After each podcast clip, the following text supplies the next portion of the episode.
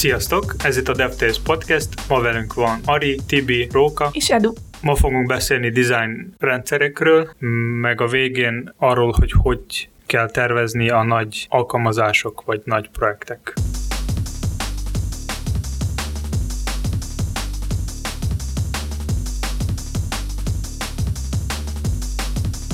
Szerintem mindenkinek nem titok az, hogy minden sikeres projektnek design ez nagyon fontos része, viszont csomószor a design az alul értékel olyan szempontból, hogy csomószor design pick-pack és kész. Tehát más szóban, hogy legfontos dolgok megcsinálják, a designerek, és igazából ennyi a designek, viszont a design ez nem csak egy kép, szerintem. De miért alakulhat ez így, hogy nem olyan fontosnak tekintik az emberek, vagyis hát a designerek azt, hogy ezt nagyon alaposan kidolgozzák? Ez szerintem nem biztos, hogy a designerek így gondolják, szerintem itt több oka is lehet ennek. Hmm, Mondjuk a project budget, vagy, vagy lehet a projektvezetők nem is értenek ehhez. Lehet valaki nekik nem tud ez rendesen elmagyarázni, hogy ez miért fontos. Mert csomószor embereknek a design ez csak egy kép is, és igazából az nem, tehát hogy a design nem szól arról, hogy ez még működés is, animáció is. Tehát, hogy maga a koncepció. Igen. A megjelenési koncepció. Igen, működés, meg egyéb hmm. ilyen dolog és erre például csomó időt tud elmenni. És hogyha jól sejtem, a téma, amit hoztál, az pont e- ebben nyújt segítséget. Igen. Na, akkor mesélj róla egy kicsit. Ebbe, ebbe tud segíteni a Design Style Guide-ok, amelyeknek az a lényeg, hogy megmutatni a design szinten az alapelemeket, tehát ilyen szövegeket, gombokat, formelemek, meg a többi, ami, ami többször lehet újra használni. És tehát maga a Style Guide abba tud segíteni a fejlesztőknek, hogy nekik lesz az az alap, amiből ők tudnak lefejleszteni az alap komponenseket, vagy ilyen globál elemek, mondjuk a fontméretek, vagy kivezetni a színek egy külön ilyen globál változókba, ami, ami újra és újra lehet használni. Viszont ez a rész, maga a Style Guide nem csak a fejlesztőknek tud segíteni, hanem a designereknek is, mert nem tudom, hogy ti, de én többször látom azt, hogy a dizájnokban bizonyos, vagy más oldalokon más eltartások, más fontméretek, meg más akár színek is. És a maga a, a Style Guide ebbe is tud segíteni, még a design fejlesztés közben, hogy egységes legyen az egész design. Azért gondolom nem szándékosan rakják bele ezeket a különböző eltartásokat, hogyha már ezt említetted, hát, hanem hogy menet közben változik az igény, és akkor nehézkes lenne végigvezetni. Igen, viszont ebbe tud segíteni. Tehát én nem azt mondom, hogy mindig fontos kitartani minden eltartás minden oldalon. Tehát ha a Style Guide-ban szerepel az eltartás rendszer, akkor ez fejlesztőknek tud segíteni, és ők ez alapján fognak fejleszteni, és nem fognak figyelni minden oldalon, hogy ott mik az eltartások. Így a designernek is nem kell figyelni hogy most ja, most itt 20 pixel kell, vagy itt 21, csak van egy ilyen eltartási Tehát, rendszer. hogy én is megértsem, akkor ez azt jelenti, hogy ezeket a közös elemeket, mondjuk egy eltartást, azt így kiemelik gyakorlatilag egy ilyen külső helyre, és maga a kép, ahol elkészül, ott lehet, hogy egy-két pixellel eltolódik, de valójában nem azt kell figyelembe venni, hanem ezt a kiemelt részt. Igen, pontosan. Hát ezt hívjuk a Style Guide-nak igazából. Csomószor a Style Guide-ban pont ilyen fontos dolgok kimaradnak, és csomószor fejlesztők panaszkodnak, hogy hiányzik ez meg az, meg az, meg ilyen eltartás van itt, ez ilyen méretű, ez meg olyan méretű, és ez így nincs kitartva design keresztül. Viszont ha lenne ilyen Style Guide, amiben az alap ott lenne, akkor fejlesztőknek csak ezt kell követni. Az összes összes többi, ez csak ilyen wireframe szintű, ami igazából ott nem kell figyelni a, a színeket, méretek, meg egyéb dolgokat. Itt sokat számít a projektnek a lefolyása is, tehát egy rövid lefolyású projekt, mi hamar elkészül, kvá, tehát kvázi a, a dizájnja, meg az egész felülete sem egy ilyen óriási monstrum, hanem mondjuk pár oldalból áll, az sokkal könnyebb karban tartani, mint hogyha lenne egy, egy, egy marha nagy rendszered, amihez időnként egyébként esnek be új képernyők, tehát hogy ez tényleg egy hosszú lefolyású projekt, mondjuk hónapokon keresztül tart, akár egy évig. Ott szokott szerintem a, a baj lenni, hogy a projekt elején elkészül egy, egy alapkoncepció, tehát egy, egy konkrétan egy design, amihez esetleg még készül style guide is, viszont ha mondjuk két-három hónap múlva bejön egy újabb igény, ami, ami azt mondja, hogy na, készítsetek el nekünk pár képernyőtervet új funkciókhoz, akkor ott már sokszor el szokott felejtődni, hogy azt a Style Guide-ba, tehát az abba bekerülő új elemeket már a Style Guide-ba is átvezessük, vagy fordítva. Elfelejtődik, hogy van Style Guide-unk, és nem az alapján készül az új képernyő, aminek lehet, lehet indokolt, és nem indokolt is a dolog. Tehát, hogy tehát, hogy egyszerűen igény jön, hogy azt a eredeti elemeikből nem tudjuk megcsinálni. Ne, nem úgy van, hogy pont egy nagyobb projekt esetén van ennek nagyon jó haszna, hogy van StyleGuard és kisebb projekt esetén pedig akár fölös, akár ki is hagyható. Viszont én szerintem nem, tehát akár a kis projekteknál ez néha fontos is lehet. A kis projekteknál szerintem, hogy kell, hogy legyen az alap, mondjuk a színek, meg a font méretek legalább, vagy néha is lehet eltartás. Viszont a nagyobb projekteknál ott még több is lehet. Az a baj, hogy a kis projekteknál is lehet az, hogy két oldalon eltérő méretek vannak ugyanazok a szövegek ele, szövegelemeknál, és az zavarni fog a fejlesztőt, és ő vagy azt fog csinálni, hogy magától kiválasztja magadnak, hogy melyik neki a szimpatikus méret, és azt fog használni, vagy beszél a designerrel, és, és akkor ott... Ez oké, okay, csak egy kis oldalnál, ami mondjuk kettő oldalból áll, ott maga a design kép, az itt tartalmaz minden információt az összes eltartásról. Tehát az, hogy kiemeljük még az, hogy me- most az eltartásnál maradva mekkora eltartás van, vagy milyen font, az magából a képből is ki kell, hogy derüljön. És mi lesz a mobil meg a tablet nézettel? Hát ez a két kép. Hát három.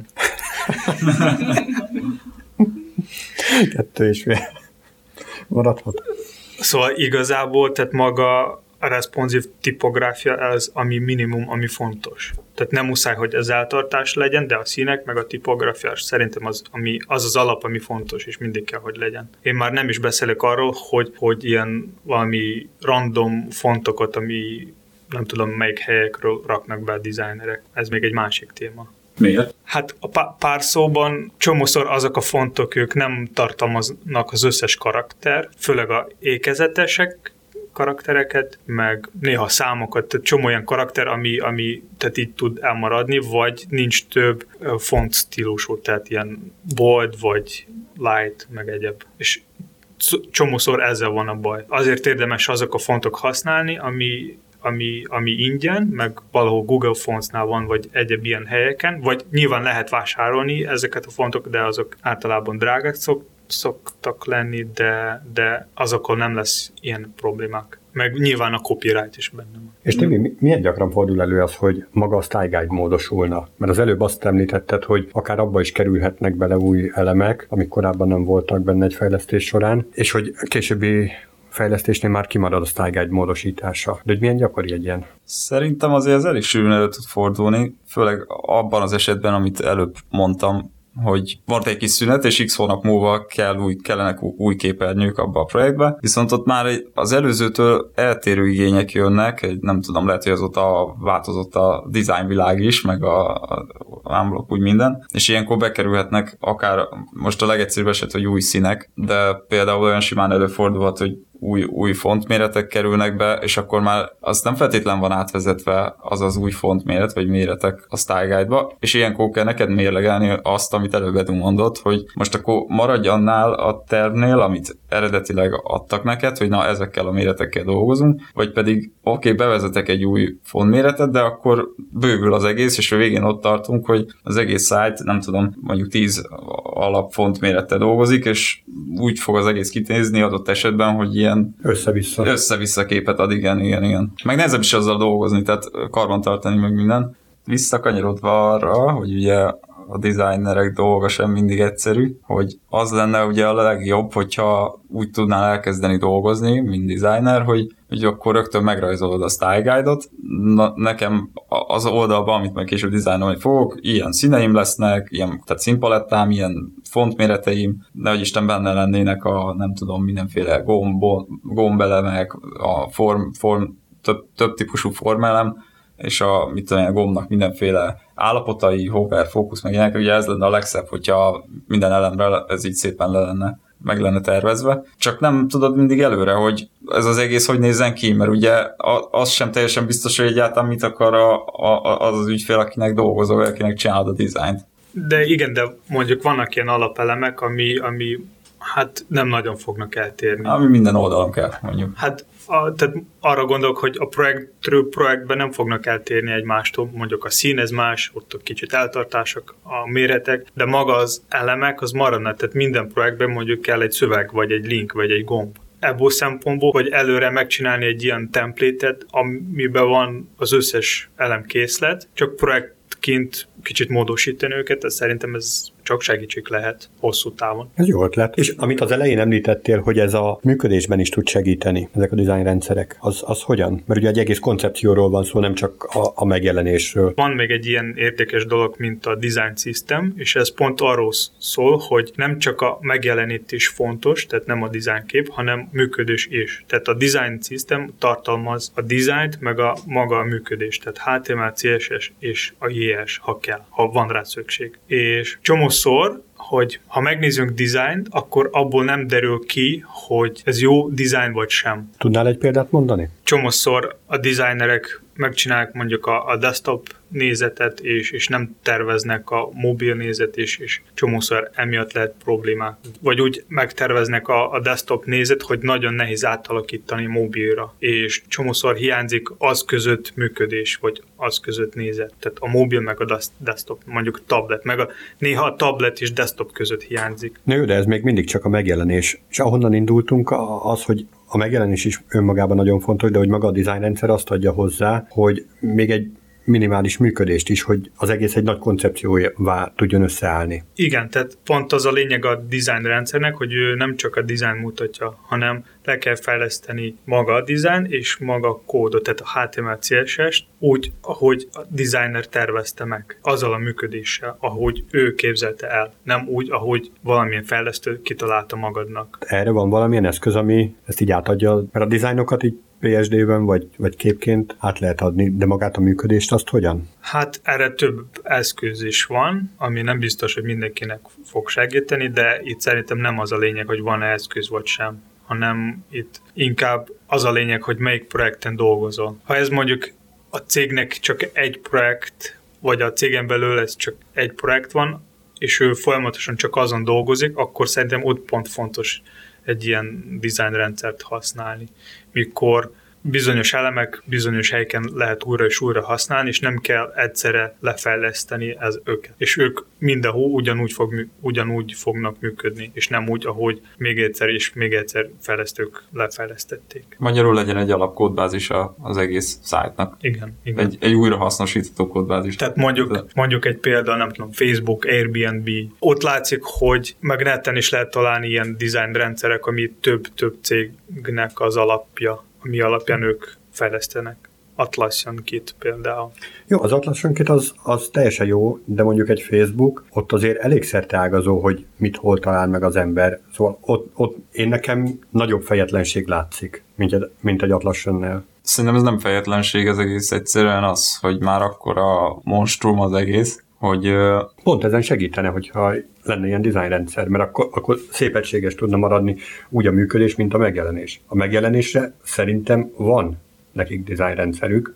Nyilván, de szerintem tehát valószínűleg olyan egyedi megoldások vannak több helyen az oldalon, hogy azt újraírni egy egységes módon, nulláról, mondjuk, az nekik nyilván nem érné már meg. Hát az újraírásról már beszéltünk, tehát ezt nem mindig kell újraírni a kódot, de hogy most úgy indulunk, hogy, hogy, hogy mondjuk zöldmezős a projekt, tehát most kezdjük a projektet. Ha, ha van ilyen design rendszerünk, ami a működést tartalmazza, akkor nagyon szép egységes kódbázis lehet belőle létrehozni, míg hogyha nincs, akkor lesznek ezek, amiket te is mondasz, hogy mindenhol valami egyedi fejlesztés lesz, és mindig újra kell írni ezeket. Hát igen. Egyébként azon gondolkoztam, hogy ennek még ott lehet előnye, hogyha mondjuk nem csak az, hogy egy nagy szájton dolgozik az egész cég, hanem pont az, ha több kicsin, mert hogyha egyszer egy ilyen rendszer kialakít a cég, mind működésben, mind akár kinézetben, bár nyilván a kinézet az változhat projektenként. A... De a működés is változhat projektenként. Tehát ugye a megrendelőtől függ, hogy Jó, de, szeretné. de Róka most egy rádiógomb az mindenhol ugyanúgy fog működni. Maximum igen, ki, ki lehet egészíteni plusz funkciókkal. Hogy... Szépen animálódjon, vagy éppen ne. Checkboxként nézzen ki, vagy ne. Jó, igen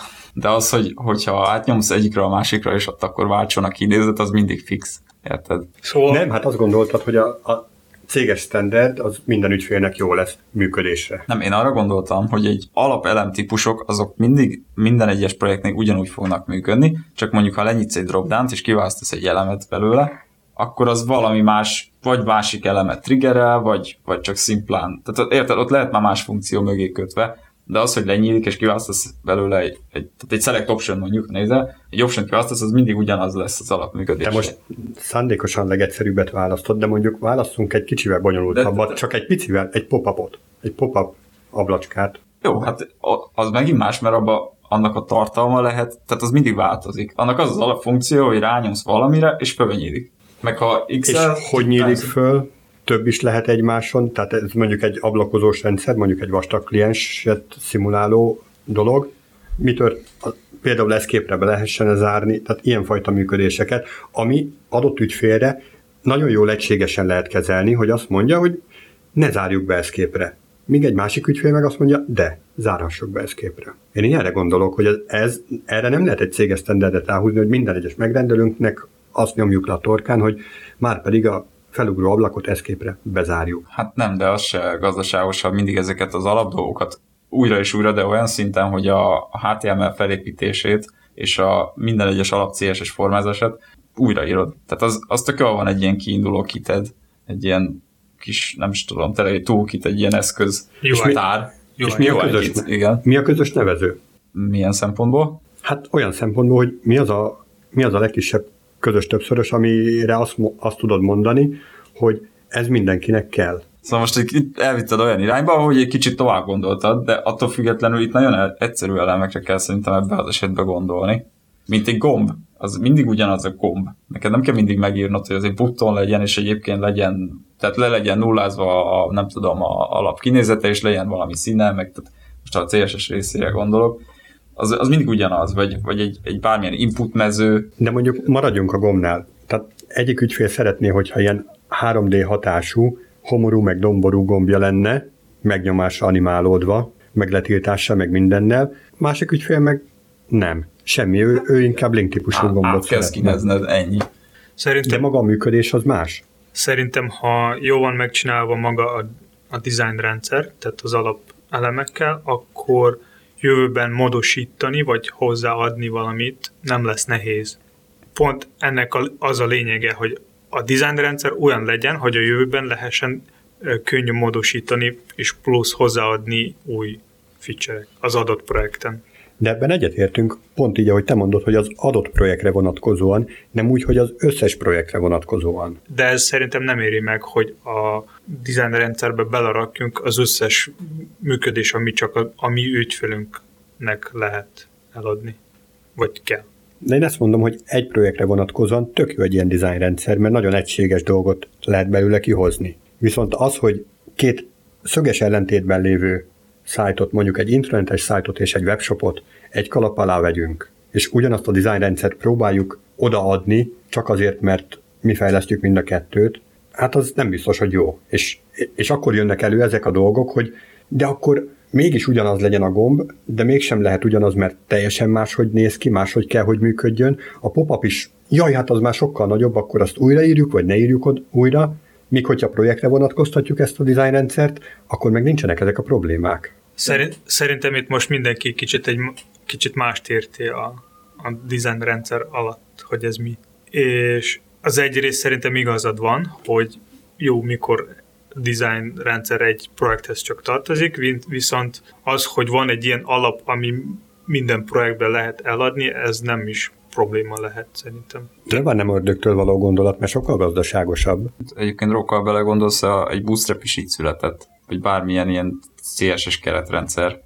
Vannak egyszerűen olyan alapformázások, vagy működés, mert ugye ott működés is van mögötte, amiket így érdemes megírni, és azt többször újra fel tud hasznosítani, csak ott bele lehet futni abban, vagy abba, hogy, hogy fölöslegesen benne van a projektedbe, benne vannak a projektedbe plusz funkciók, amikre igazából nincs is szüksége. Tehát itt igazából válogatásra van szükség, hogy neked mire van éppen abból szükséged, és mit tudsz újra hasznosítani, ne kelljen újraírni mindig. Ez még a jobbik eset, hogyha pluszod van, de mi van akkor, hogyha más kell? Tehát olyan még veled nem fordult elő, hogy a bootstrap szabályt kellett fölülírnod? De azt mondom, tehát azt olyankor mindig mérlegelni kell, hogy ezt megérje neked használni. És látod, na én pont erről beszélek, hogy a Bootstrap nagyon sok mindenre gondolt, de maga a megrendelő máshogy gondolja. Ő neki más kell. És e- ekkor tök jó az, hogyha van az adott projektre, az adott megrendelőre egy ilyen ö, designrendszer, ami arra vonatkozik és arra egységes, nem pedig egy ilyen világ összes projektjét megoldjuk keretrendszer. De nem is ez a lényeg, tehát ott, ott utána már a ügyfélre szabhatod, megrendelőre szabhatod. És akkor lesznek az egyedi megoldások. Szemben azzal, hogyha az ügyfélre is van egy, van egy olyan egységes designrendszer, hogy már pedig ennél az ügyfélnél, lehet az, hogy ennél az ügyfélnél a gridet azt a bootstrapből használjuk. De a pop nem, hanem itt az az egységes megoldás, hogy, és akkor ott szépen le van fejlesztve. Mikor beszélünk a, a design rendszerről, ez nem azt jelenti, hogy van valahol egy közös hely, ami ahonnan használják mindegyik projektben. Pedig nekem Tibi elmondásából ez jött. Nem, én sem erre gondoltam. Nem. A, tehát ha nem? A, a design rendszer, tehát mondjuk van egy alap, ami, ami majd több projektből több projektben fogunk kihasználni, de ez nem azt jelenti, hogy kell visszavezetni azokat a modusítások, ami az adott projekten használtuk, hanem ez mond, más szóban egy ilyen starter kit kiinduló pont a mindegyik projektben. Tehát az a legalap alap design tervben csak mondjuk ilyen alap-alap elemek, ami mindegyik projektbe kell, viszont az adat már plusz funkciók bele lesznek rakva. És, le, és ebből, tehát itt már kezdik az, hogy mindegyik ügyfélnek van egy saját design rendszer, függet, igen, igen. függetlenül egymástól. Na, én pont ezt mondom, hogy ezt is le kell fektetni, hogy az adott ügyfélre az ő specifikus design rendszere és az ő specifikus működése. Mert hogyha ezt nem fektetjük le, akkor jönnek azok, hogy lefejlesztjük most a, a felugró ablakot, majd másfél vagy két év múlva hozzá kell nyúlni egy tök más oldalon, addig nem is, addig, addig pihent a kód, valahol kell még egy felugróablak, és elfelejtettük, hogy már csináltunk egy ilyet, és megcsináljuk újra, kicsit máshogy. Hogyha nincs ez a vonalvezető, hogy ennél az ügyfélnél hogyan akarjuk a felugróablakot kezelni. Ezért lenne értelme magára az, az adott projektre vonatkoztató dizájnrendszernek, ami nyilván le, egy ilyen nagy dizájnrendszernek a kibővített változata.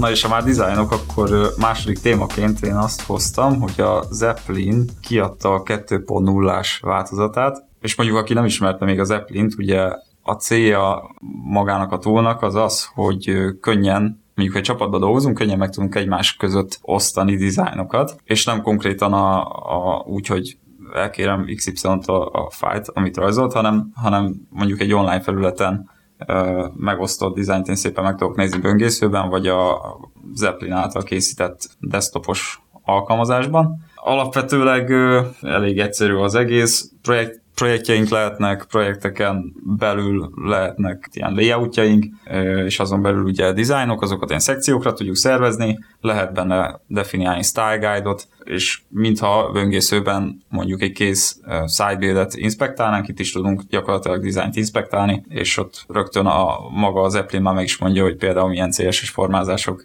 vonatkoznak arra, arra az elemre, amit kiválasztottunk. Ugye ez hasonlatos eszközök vannak már az Apple mellett, van ugye a, mondjuk a Figma, vagy a InVision, ezt is több helyen használják, mi, mi Zeppelin használunk, eléggé be, bevált nálunk. És hát a, ebben az új verzióban, ami, ami így bekerült, és így legnagyobb featureként említik, és talán lehetne róla egy kicsit beszélni, ez ugye ez a, az, hogy most már komponenseket is tudunk exportálni Zeppelinben, tehát a Zeppelin már képes komponenseket, design komponenseket megjeleníteni, ami azért jó, mert ha például nézzük a, a dizájnunkat, akkor egy adott elemet kiválasztva már az Zeppelin megmutatja, hogy na ennek az elemnek létezik a Style Guide-ban definiálva már egy adott komponens. Ugye a komponens alapú dizájnolásnak nagyjából az a lényege, hogy, hogy egy adott elem típusra, vagy típust, amikor dizájnolunk, akkor ott annál a típusnál helyben definiáljuk, hogy ez hogyan nézzen ki, milyen tulajdonságai lehetnek,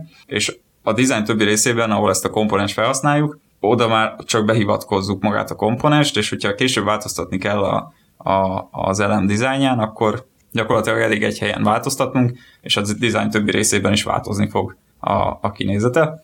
Meg emellett még több más is lehet, ugye ha már Style Guide-ról beszéltünk, akkor az is előnye, hogy külön megrajzoljuk ezt a komponens, ami mondjuk legegyszerűbb esetben legyen egy gomb, de lehetnek bonyolultabb komponensek is, sőt lehet mondjuk komponensbe komponens használni. Akkor mondjuk a Style Guide-ban ezek az elemek mind felistázódnak, és akkor rögtön már, ha ilyen alapon dizájnunk, oda is tudjuk adni a fejlesztő csapatnak Style Guide-dal együtt a dizájnunkat. Jó, egyébként szerintem a gyakorlati előnye ennek ö, azt tud lenni, hogy ugye egyrészt a Guide, amellett, hogy a Guide mellé is, vagy Style Guide-ba is bekerülnek ezek a komponensek, hogy amikor dolgozunk, és mondjuk egy új szemmel kerülünk be a projektbe, és a, egy sok page alkalmazásnál, vagy website-nál megkapunk egy adott oldalt, amin dolgoznunk kell, akkor ugye először kiindulunk a dizájnból, megnézzük a dizájnt, ott megnyomkodjuk azt az elemet, mondjuk amivel elkezdünk dolgozni. Rögtön Zeppelinből ugye látjuk, hogy na, annál az elemnél, vagy annak az elemnek egy részénél már egy komponens van behivatkozva. Tehát ebből gondolhatjuk, hogy valószínűleg korábban már valaki dolgozhatott egy ilyen típusú elemen, és valószínűleg ennek meg is van már, tehát le is van fejlesztve a, a kinézete, a, a felépítése és minden egyéb más. Tehát nem felt, kevésbé futhatunk bele olyan esetbe, hogy ugye ugyanolyan elemek többször lesznek lefejlesztve. Ez például szerintem egy elég nagy előny. Kinek még lehet hasznos ez a, ez a Zeppelin? Szerintem abban a szempontból nagyon hasznos, hogy korábban például egy olyan fejlesztő, akinek relatíve nincs nagyon túl sok köze a dizájnhoz, az nem is feltétlen nézte a saját gépénél magát a dizájnt. Maximum úgy, hogy néha elkért egy, nem tudom, PNG-t, mert ugye nyilván Photoshop se volt, vagy Sketch, ugye attól függ, hogy nézzük, feltelepítve a gépére, tehát megkapott valamilyen képernyőképet az alkalmazásról, vagy a, a,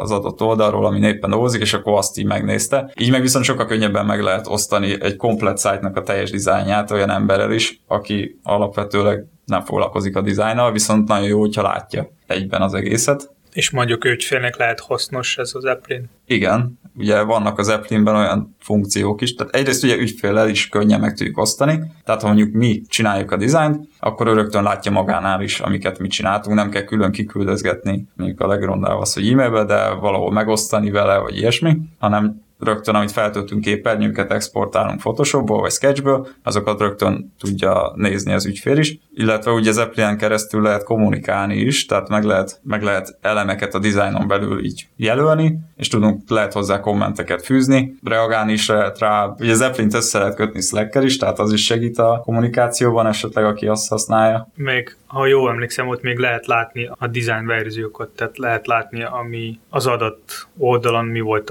az előző verzió vagy több előző verziót is lehet követni. Tehát lehet igen. látni a, a változtatások. Hát igen, és azt is látod, ha éppen változott egy design, sőt mi? értesítést is kaphatsz róla talán, de ebben nem vagyok biztos. És, és mi lesz az ikonokkal? Tehát ugye csomószor dizájnban ikonok lehet találni, és ez, ez hogy lehetne exportálni? Igen, amikor elkészültél a dizájnnal, és feltöltöd a, a dizájnt Zeppelinben, akkor van lehetőség arra, hogy kijelölj a dizájnodon belül ikonokat, ilyen asszeteket, amiket meg tudod, tehát meg tudod neki mondani, hogy azokat tényleg ikonként is definiálja, ami igazából annyit, vagy használja, vagy exportálja, ami igazából annyit jelent, hogy amikor már Zeppelinben nézed a dizájnt, és rákattintasz egy ilyen ikonra, akkor jobb oldalt van egy olyan lehetőség, hogy na, ez, ez egy exportálható elem, tehát tulajdonképpen le tudod tölteni és ha úgy van megcsinálva a dizájn, akkor hát alap az, hogy mondjuk PNG-be, azt hiszem több méretbe is le lehet tölteni, de amellett ugye lehet SVG-be is letölteni a dolgot, és akkor valaki úgy használja ezt, hogy csinál egy konkrét ikon képernyőt, oda rakja fel az összes ikont, és akkor csak azt az egy, egy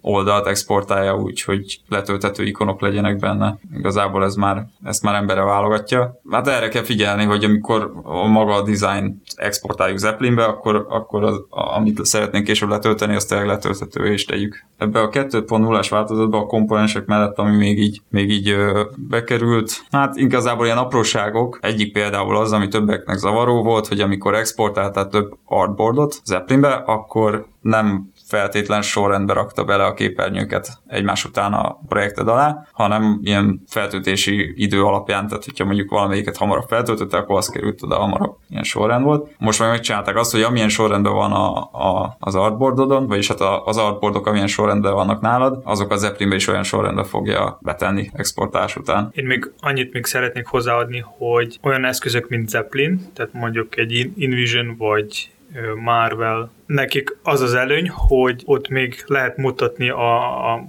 a user flow vagy a UX-et. Tehát, hogy mielőtt még kész van a maga a SciBuild, mondjuk akkor meg lehet mutatni ügyfélnek, hogy hogy fog működni a flow. Tehát mondjuk kattintasz erre a gombra, akkor elnavigál arra az oldalra, és így, így tovább. Tehát meg lehet mutatni ilyen működést csak képeken és ez sokszor könnyíti a dolgokat. Tehát ügyfél egy, egyből fog látni, hogy mi, hogy fog működni, vagy viselkedni az ő alkalmazás, vagy a weboldal. Meg, a Zeppelinben ez még nem A Zeppelinben ez szerintem nincs, de a InVisionben meg a Marvel talán, de nem vagyok biztos, de szerintem ott is van ilyen. Meg fejlesztőknek is nyilván ezt tud segíteni, hogy ő fejlesztő, és fog tudni, hogy melyik oldal miután hogy mikor jöjjön meg. Jó, ami még egyébként nagyjából két dolgot mondanék, ami így bekerült. Az egyik az, hogy a, ugye amikor Tumblr-nél nézed be, nézed a dizájnjaidat, akkor ilyen fix méretben mutatták eddig. Most már például egy mobil dizájnt teljes képernyő mutat, az Zeppelin, vagy listáz ki, ez az egyik. A másik pedig az, hogy ugye előbb említettem, hogy lehet dizájnt kommentelni, és uh, eddig annyi funkció volt benne,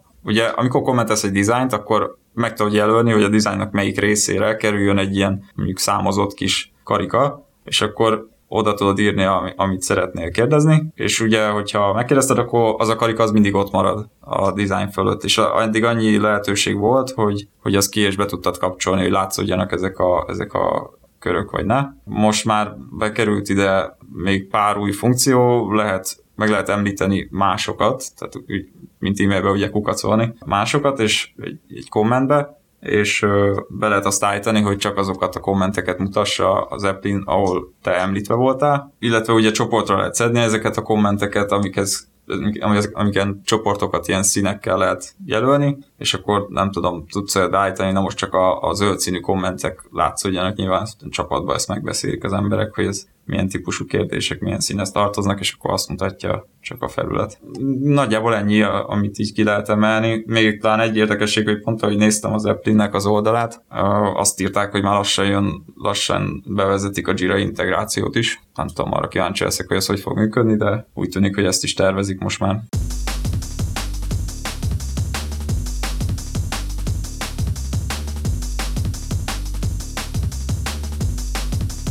Beszéljünk egy kicsit a nagy alkalmazásokról, illetve hogy milyen problémák lépnek fel, amikor nagy alkalmazásokkal kell dolgoznunk, illetve hogy tudunk felkészülni arra, hogy nagy alkalmazást építünk. Ebben milyen tapasztalatotok van nektek? Nekem egy ilyen tapasztalat van, hogy mikor elkezdem valami új projektet, akkor tök jól néz ki az egész, egyértelmű az ügyfél igény, megvan a doksi, design, és így szépen elkezdjünk a csapattól felépíteni a struktúrát, viszont csomószor feljönnek valami kérdés, és nyilván elkezdjünk interneten keresni a megoldások, vagy válaszok a mi kérdésünkre, és, és csomószor nehéz találni erre a választ, mert a neten, GitHubon többször ilyen Hello World szintű projektek vannak, és nincs ilyen példa, ami látta valós projektet. Azokból a példákból nagyon nehéz valamit kitalálni és lefejleszteni, és így nekünk mindig kell valami új biciklit kitalálni az adott projekten. És, és milyen bicikliket szoktunk kitalálni, ha már ezt említetted? Hát mondjuk komponens konvenciót, hogy hova rakjuk, hogy nevezünk, hol az apik tartjuk, vagy tehát a file szinten, meg egyéb ilyen dolgot. Na, ez tök jó, ezt akartam is kérdezni, hogy szerinted például melyik a jobb konvenció, hogy funkció mentén bontjuk fel, vagy pedig az hasonló, tehát hasonló szerepet betöltő dolgokat rakjuk egy helyre? Tehát, hogy horizontálisan vagy vertikálisan csoportosítjuk a, a, a komponenseinket. Arra gondolok, hogy például az apikat szervezzük össze, lesz egy olyan mappánk, amiben az összes API benne van. Nem tudom, ez CSS-ben mennyire megoldható. Vagy pedig úgy csoportosítjuk, hogy mondjuk a loginhez kapcsolódó, de ott van minden. Hát szerintem itt két dologra lehet szétbontani. Az egyik, ami így közös, és mindenhol lehet használni. A másik az, hogy inkább ilyen funk funkcióként szétbontás. Nekem legutóbb ez jobb, jobban tetszik, mert csomószor így mondjuk, ha az adott funkcióról beszélünk, mondjuk egy oldal. Mondj egy konkrétat, hogy tudjunk róla beszélni. Tehát ha megnézzük, mondjuk egy, van egy több lépéses form, és hozzá tartozik egy lépés, tehát ez egy funkció, Igen. mondjuk. És szerintem sokkal könnyebb, mikor ehhez a funkcióhoz minden egy helyen van, és nem kell keresgetni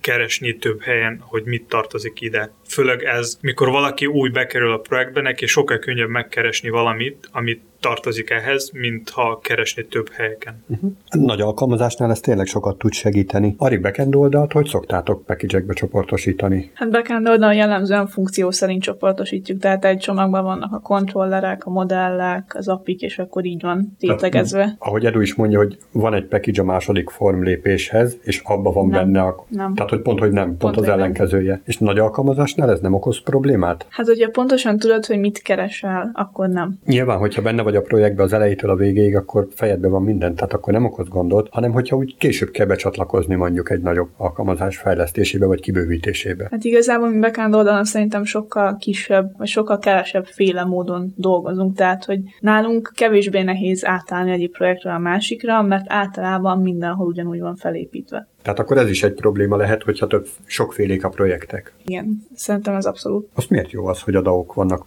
egy, egy helyen, meg a szervizek egy helyen, meg az interfészek egy helyen. Nem, nem lenne úgy jobb, ahogy Edu említette? Hát én már ezt szoktam meg, szóval azt mondom, hogy nem. De... Várj, akkor, tehát Edu, neked miért jobb az? Hát én nem azt mondtam, hogy mondjuk a szervizek vagy az apik legyenek egy helyen, vagy a, a funkciók kint, kint szétbontva, hanem inkább egy réteget nyilván kell szétbontani, vagy kirakni egy közös helyre, ami több helyen lehet és újra használni. Igen, ezek a komoly rétegek, de hogy mondjuk ezt a több lépcsős formnak a második lépéséhez tartozó összes dolgot azt így egy helyre rakjuk. Én is egyébként ez mellett tenném le a voksomat, mert szerintem is tök kényelmes az, hogy ott van a hozzátartozó összes részkomponens, ami ehhez a lépéshez tartozik. Szemben azzal, hogyha funkciónként, tehát hogy az API hívások azok itt vannak, az inputokat kezelő dolgok amott, a validációs szabályok egy harmadik helyen, és itt elveszik a dolog. Hát a másik az, hogy mondjuk ha a komponensek belerakni egy mapába, és azon, azon belül keresni, hogy az adat lépéshez, vagy az adat oldalhoz mit tartozik, ez nagyon nehéz lesz egy idő után. És így sose tudod, hogy mekkora nagy lesz a projekt. Mert ha egyre nagyobb a projekt, annál nehezebb keresni a dolgokat. Hát igaza van a sásznak, vagy nem? Hát most igaza van, mert megszokás kérdése, de most... Nem, egyébként tökre nem megszokás kérdése, mert én dolgoztam mind a kétféle megközelítéssel, és inkább ez mellett tenném le a voksomat, hogy, hogy sokkal jobb felépítés az, hogyha egy adott dologhoz tartozó összes mindenség az ott van egy helyen. Hát igazából backend oldalon szerintem olyan szempontból más, hogy nincsenek annyira elaprózódva a fájlok. Tehát, hogyha most például nagyon erről beszélünk, hogy a formnak a más, nem, nem tudom, második oldala, uh-huh. de hogy nem, nálunk nem feltétlenül vannak szétszerű oldalakra, hanem van a form, és akkor ott, van, ott történik minden validáció. Nyilván nem egy olyan hatalmas folyamatról beszélt, mint az online számlanyítás. De pont erről beszélünk, hogy nagy alkalmazásokról, sőt, hogy online számlanyítás, de hogy a, annak még egy extra-extra bővített változat, amikor így nagyon elkezd szaporodni a kódbázis akkor előbb-utóbb nektek is érdemes felbontani, mert több ezer soros Java fájlokban azért nem jó Hát jó, nyilván nem, de... Szerintem a frontend oldal még, még azt nehézíti, hogy ott nem csak egy technológia van, hanem több, tehát HTML, CSS, JS, meg a JS-ből is lehet több réteg, és ott e, ez szerintem ez kicsit bonyolítja a helyzetet. Hát Tehát... igen, abba az irányba megyünk, hogy egyre vastagabb klienst építünk frontend oldalra. Gyakorlatilag a JavaScript a modern Condelphi Egyébként az, hogy egy helyen tartotok kódot, az nem eredményez ilyen nagyobb spagetti kódokat? Tehát mennyire jellemző az, hogy, hogy hatalmas fájlokkal dolgoztok, amiben benne van az üzleti logika, gyakorlatilag teljes egésze?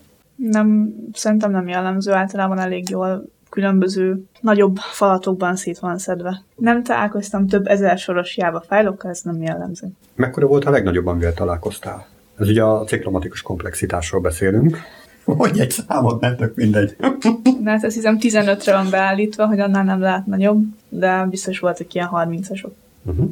És te, Róka? Hát JavaScript oldalon nem figyeljük ezt, viszont találkoztam mind a két véglettel. Tehát találkoztam ilyen 5-6 ezer sornyi JavaScript fájlokkal is, amiben hát egyik oldalról tök könnyű úgy közlekedni, hogy nem kell megnyitni új fájlokat, hanem ott vagy egy helyen. Másik oldalról te tök nehéz elszeparáltan módosítást végrehajtani, mert hogy gyakorlatilag nincsenek elszeparálva, tehát minden mindennel összefügg és összefügghet. És egy-egy módosítás eltörheti a teljesen váratlan helyen az alkalmazást. Nyilván, hogyha nincsenek tesztjeink, akkor ez be is fog következni. Másik oldalról a másik véglet, amikor ilyen egy-két soros függvények is ki vannak emelve a kódba, külön fájlokba. Ez ugye nagyon jó unit tesztelhető, nagyon jól elszeparált felelősségi kör, sort tartalmaz, viszont hát nagyon sok fájlod lesz ezzel kapcsolatban, és akkor a fájl nevezéktan lesz egy szűk keresztmetszet, tehát ott jelentkezik a probléma, hogy jól elnevezni a dolgokat. És te szerinted hogy érdemes szétbontani a fájlokat? Hát valahol a kettő között lenne a, a nagy igazság. És az fejlesztőknek nem tud okozni problémát, hogy ő most mondjuk pont benne van a fejlesztésbe, és most így visít neki Ashlint, vagy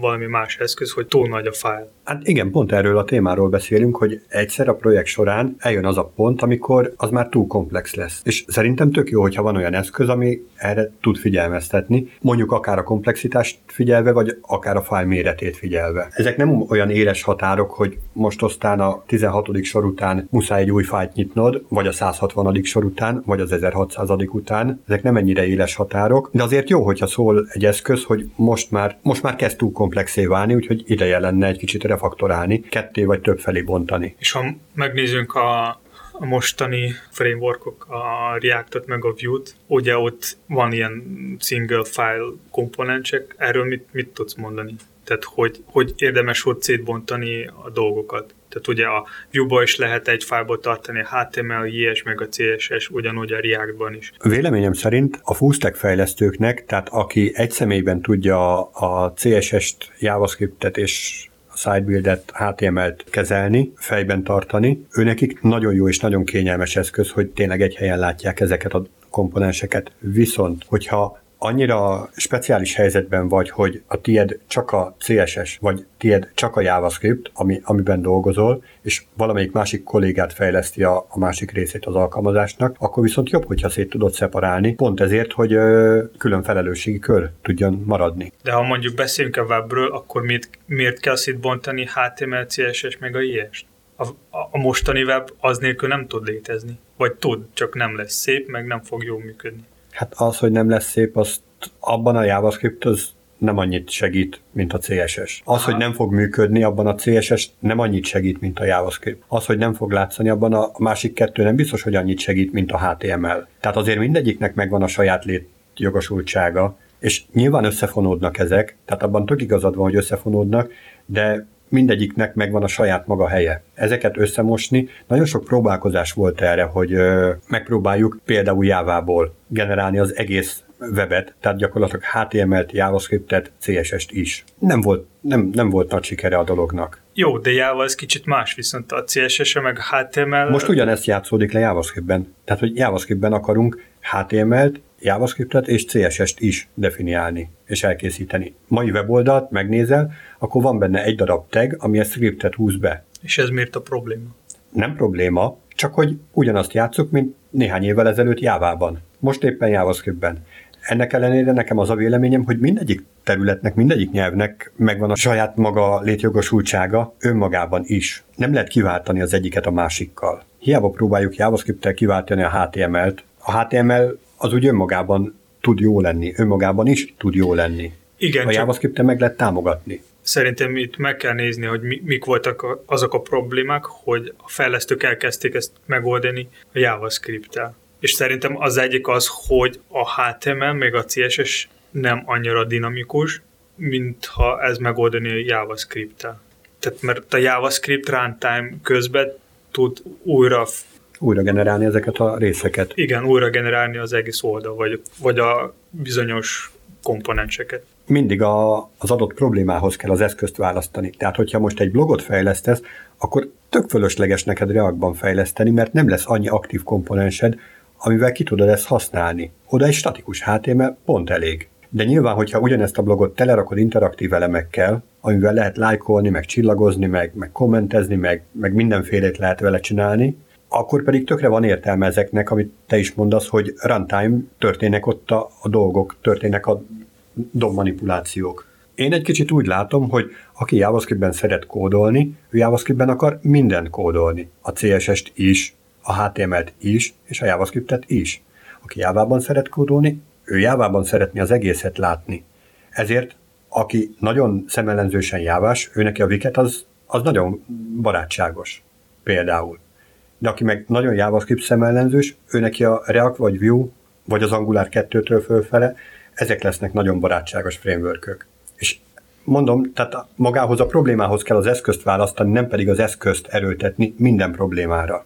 Na, de hogyha már itt ezeknél az új framework járunk, akkor mi a véleményetek a, arról, hogy a, de, tehát a függőségi fa az hatalmas méretűvé duzzad manapság? Hát a nagy alkalmazások kapcsán ez, ez óhatatlanul szembe jön, hogy egyre nagyobb és nagyobb lesz. Mert ugye egyre újabb és újabb dolgok kerülnek be, amikkel kis apró függőséget behúzol, ami egy egész fát húz magával. És így nem megabájtokról beszélünk, hanem már gigabyte fölött járunk jócskán forráskód méretben. Én nemrég valahol hallottam, vagy olvastam valami cikket, pontosan nem emlékszem, de arról volt, hogy van még egy másik framework, és igazából ott, ott, ami nekem nagyon tetszett, hogy ott úgy volt megoldva az egész, hogy, az ad, hogy te nem húzod be az egész frameworkhoz vonatkozó kódot, kódot tehát mint például a React-nál vagy a Vue-nál, ami több mint 100 kilobyte, hanem az adat featurehez csak azt a részét. Tehát mondjuk neked kell egy... Ez a code splitting. Igen, de az még a framework szinten. Uh-huh. Tehát, hogy mondjuk neked kell, nem tudom, valami router, vagy nem. De ez egyébként olyan, amit mondjuk tízegy néhány évvel ezelőtt a jQuery is megcsinált a jQuery UI-jal, hogy összekattingatod, hogy mire van szükséged belőle. Csak ezt gondolom dinamikusan oldja meg. Hát lehet, hogy dinamikusan, ezt pontosan nem emlékszem, de szóval ott az a lényeg, hogy így a fejlesztő tud csak azok a dolgokat behúzni, amit amire neki van szükség, és attól nem lesz annyira nagy a, az alkalmazás. Mert csomószor az van, hogy az adott frameworkban van ilyen feature ami fejlesztők nem is biztos, hogy fognak használni egyáltalán. És nekik muszáj behúzni, mert úgy, úgy volt lefejlesztve a framework. Ez egy tök jó gondolat, tehát én támogatom az összes ilyet, hogy mindig csak annyit használjunk, amennyi minimálisan szükséges, illetve hát ennek a dinamikus változata az a code splitting, hogy csak akkor töltjük be a hozzátartozó részeket, amikor arra tényleg sor kerül. És ha megnézzünk ezek a, a dependencik, ami, ami mostanában majdnem mindegyik projektben találjunk, ott szerintem ott az a probléma, hogy a fejlesztők tudnak, hogy neten lehet biztos valami megoldást találni, és, és nem, nem néznek tovább, hogy mennyire egyszerű ez a megoldás, és így behúznak valami libet, vagy valami plusz frameworkot, ami... Hát igen, itt az áll szembe, hogy fejlesztési idő versus jó megoldás. Tehát, hogyha kevés idő van, akkor nem fog az ember egy végletekig optimalizált változatot használni, hanem úgy gazdaságos, hogyha az internetből copy összeszedi a legelső megoldást, ami éppen hogy jó legalább. És minél nagyobb az embernek a tudástára, annál jobb megoldásokat tud választani, de akkor is mindig szenvedni fog ettől a függőségi fától az is lehet, hogy kiválasztja valami megoldás NPM-en, vagy bárhol más, egy idő után több szenvedés lesz vele, tehát több idő elmegy erre a fejlesztésre, mert nem pont úgy kell működni, hogy ügyfél kért. És ott nem biztos, hogy lesz az a lehetőség, hogy vá- vá- Változtatni. Változtatni, igen. Hát igen, ezeknek a megoldásoknak ez az átka. De ugye onnan indultunk, hogy nagy alkalmazások fejlesztése. Valahogy kordában lehet tartani ezt a függőségi fát? Ott az a baj nem, hogy te használsz valamit, és azt behúzod, utána azt nem tudod leellenőrizni, hogy az milyen további függőségeket ránt magával az adott package. De, de vannak ilyen eszközök, ami ebben tudnak segíteni, például a Webpack Bundle Analyzer, vagy pontosan nem emlékszem a nevét, aminek, aminek az a lényege, hogy ő a build után megmutatja neked egy ilyen szép report, hogy milyen függőség mekkora méretű. Mekkora méretű. Nem csak a tied, hanem a node, tehát a tiedet, meg a node modusos dependencies. Na igen, csak ugye nagy alkalmazást fejlesztünk, és jönnek be az újabb és újabb igények, tehát szükség van egy, egy újabb datepickerre, egy, egy újabb nem tudom micsodára, behúzzuk, és így kiderül róla, hogy nagy, de akkor mit lehet ezzel hát, kezdeni? Az, az egy rész, ami szerintem rossz, hogy több date picker van, ha ilyen előfordul, tehát ez már nem követi a, amit korábban beszéltünk a, a design rendszert, az, az egyik dolog. A már... De egyébként simán előfordulhat ilyen. Simán, tudom. Viszont vannak ilyen eszközök, amit tudnak mutatni, hogy az adott bundle vagy a chunk milyen méretű. És mondjuk hibára futni, és nem engedni lebildelni. Így fejlesztőknek muszáj lesz majd splittelni a kódot. Konkrétum? Például, ha f- felmész egy fő oldalra, akkor azon az oldalon neked nem biztos, hogy lesz szükség De nem erre gondolok, nem erre gondolok, hanem hogy mi, mi az az eszköz, ami eltörje a bildet, akkor, hogyha mondjuk 7 megásra hízott a JavaScript. Szerintem van egy ilyen package size limit, vagy van ilyen hasonló akár webpack is tud mutatni, uh-huh. vagy jelzi. A webpackben szerintem alapból be van állítva, hogy 244 kilobyte szerintem, ha jó, jó emlékszem, akkor ez, ha azon fölött van, akkor ő már warningol. Oké, okay, hogy jelzi, de hogy mi fogja készíteni a fejlesztőt, hogy ezt a warning üzenetet, ezt igenis tudomásul vegye. Tehát, hogy el fog törni a bildettől? Mert hogyha nem, akkor nem. De szerintem itt még az a fontos, hogy milyen szabályok projekten meg a csapaton belül vannak. Tehát ha senki nem figyel erre, akkor senki nem fog figyelni erre. Ha lesz valaki egy fejlesztő, aki erre fog fi- figyelni, és mindenkit meg fog tanulni erre, akkor szerintem ez kicsit egy lépéssel arrébb lesz a csapat. Én azt tapasztaltam, hogy ha van egy ilyen warning üzenet, mondjuk például az NPM-nek az audit modulja szól, hogy sebezhetőség van az adott függőségeink között, amíg ez nem töri el a bildet, addig nem foglalkozik vele jószánével senki, független attól, hogy valaki szólongat érte. Mert hogy szűkek a határidők, és tolni kell. És sokkal fontosabb az, hogy elkészüljön a termék, mint hogy jó legyen. És ez nagy alkalmazásnál, ugye amikor nagyon sokan dolgoznak rajta, akkor meg hatványozottan jelentkezik. Úgyhogy valószínűleg, hogy erre csak nagyon strikt eszközök, tehát ami, ami töri a bildet, ezek alkalmasak ennek a betartására. Egyetértek veled, de szerintem még nagyon fontos az, hogy az egész csapat, vagy az egész cég is értse, hogy mi a cél a projektnek. Tehát, vagy gyors lenni, vagy nagy lenni. Hát az szerintem sosem cél, hogy minél nagyobb legyen a kódunk. Azért mondom, hogy ha a csapat vagy, vagy a, a cég ez nem képviseli, akkor ez sose lesz meg. Megnézzünk például a, nyilván ott nem, tud, nem tudjunk, hogy mit pontosan bent ott történik, de meg, ha megnézzünk például a Facebook, amit én hallottam, az, hogy nekik van ilyen napok, ahol nekik ilyen két vagy nem tudom, ilyen lassú net van, és ők azon tesztelnek, és, és Facebooknak nagyon fontos az, hogy az, ő, az ők alkalmazás legyen gyors, meg kicsi, mert ettől lesz több nekik a felhasználó. Ez egyébként egy tök jó gondolat. Jó, de ez mondjuk egy kicsit elkanyarodtunk attól, hogy nagy alkalmazásfejlesztéssel járó problémák. Ott, ami még szembe szokott jönni, hogy kialakulnak a kódban olyan központi részek, amihez így nem mer utána senki hozzányúlni. Ilyennel találkoztatok már? Csomószor én is ilyenekkel találkoztam, én is csomószor nem mertem hozzányúlni valamilyen kódhoz, és... És mit lehet ezzel kezdeni? Semmi.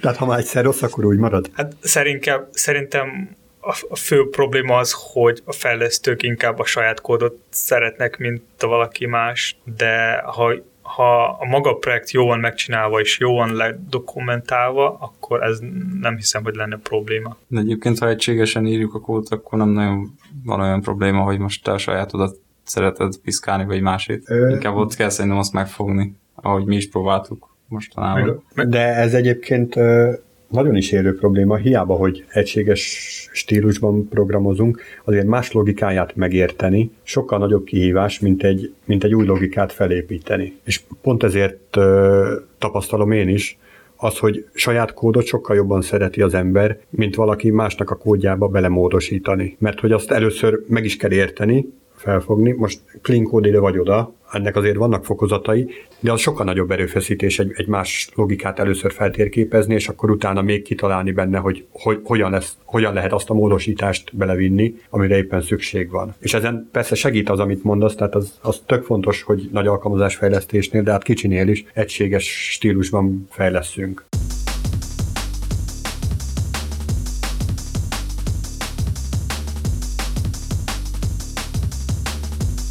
Ennyi fért bele a mai adásba, kövessetek minket Twitteren, iTunes-on, Androidon, hallgassatok minket legközelebb is.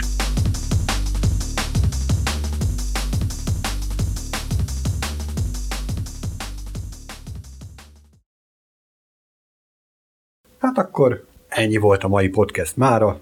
Zárul a DevTales mókatára. Sziasztok!